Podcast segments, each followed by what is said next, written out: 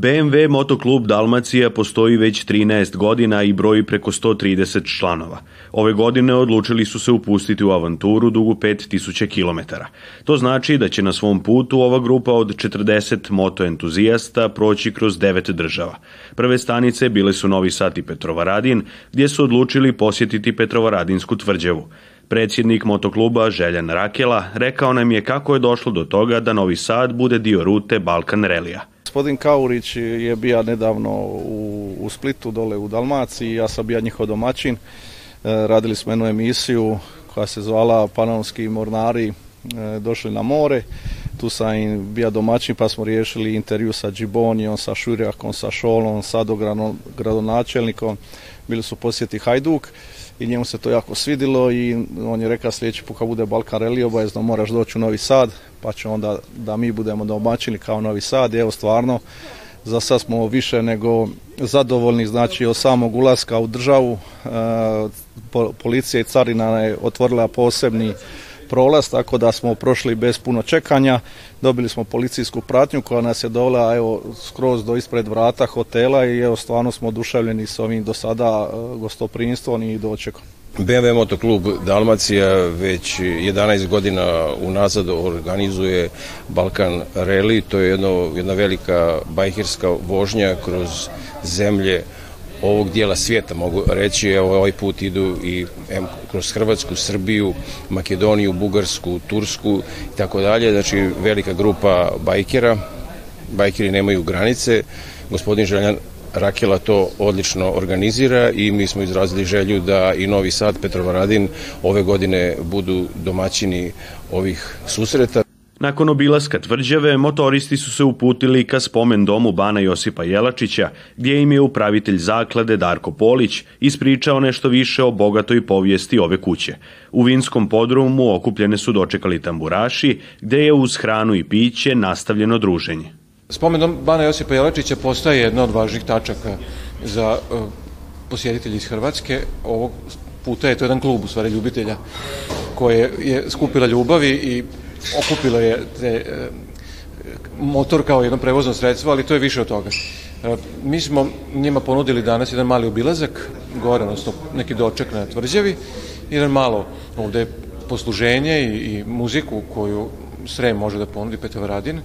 Nadamo se da je ovo prilika također da i oni tamo kad se budu vratili u svoj kraj kažu dođite u spomendom Bana Josipa Jelačića, potrebna nam je podrška i vašim dolaskom i na svaki drugi način tako da širimo ruke. Balkan Rally okupio je motoriste iz Hrvatske, Austrije, Njemačke, Bosne i Hercegovine i Kanade. Zanimljivo je napomenuti da je Reli humanitarnog karaktera, tako da ovi avanturisti svake godine pomažu dječjem vrtiću u mjestu Vlasotince.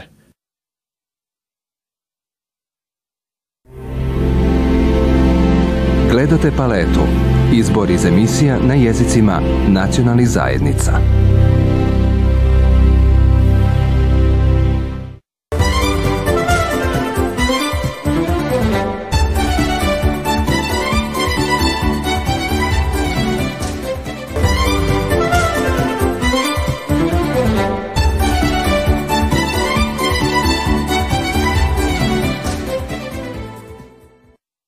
Blagoslovu i svečanom isnom slavlju prethodila je dan ranije večernja molitva časoslova, a uz obnovljeni pastoralni centar kardinal Vinko Puljić je blagoslovio i novi mozaik preobraženja gospodnjega koji je postavljen na zvoni katedrale, kao i nove vitraje te skulpturu svetog pape Ivana 23. koji se nalazi u dvorištu katedrale.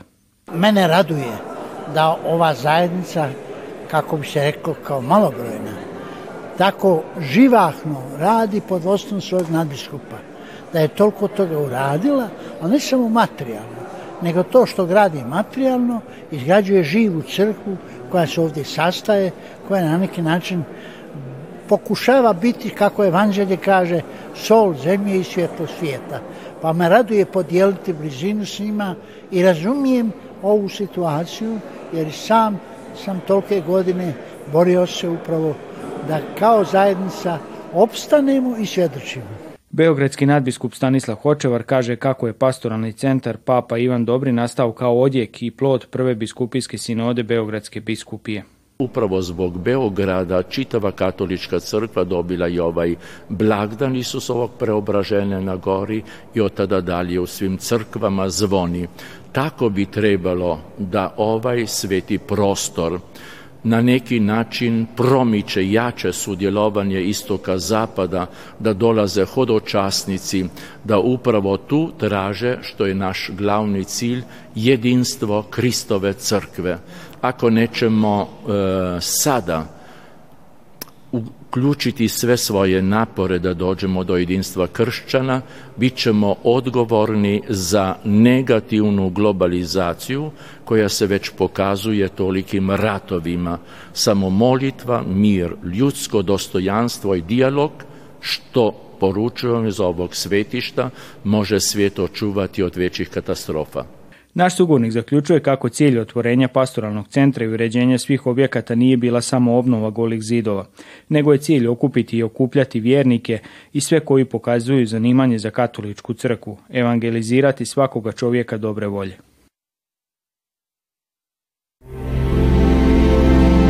Gledate paletu. Izbor iz emisija na jezicima nacionalnih zajednica.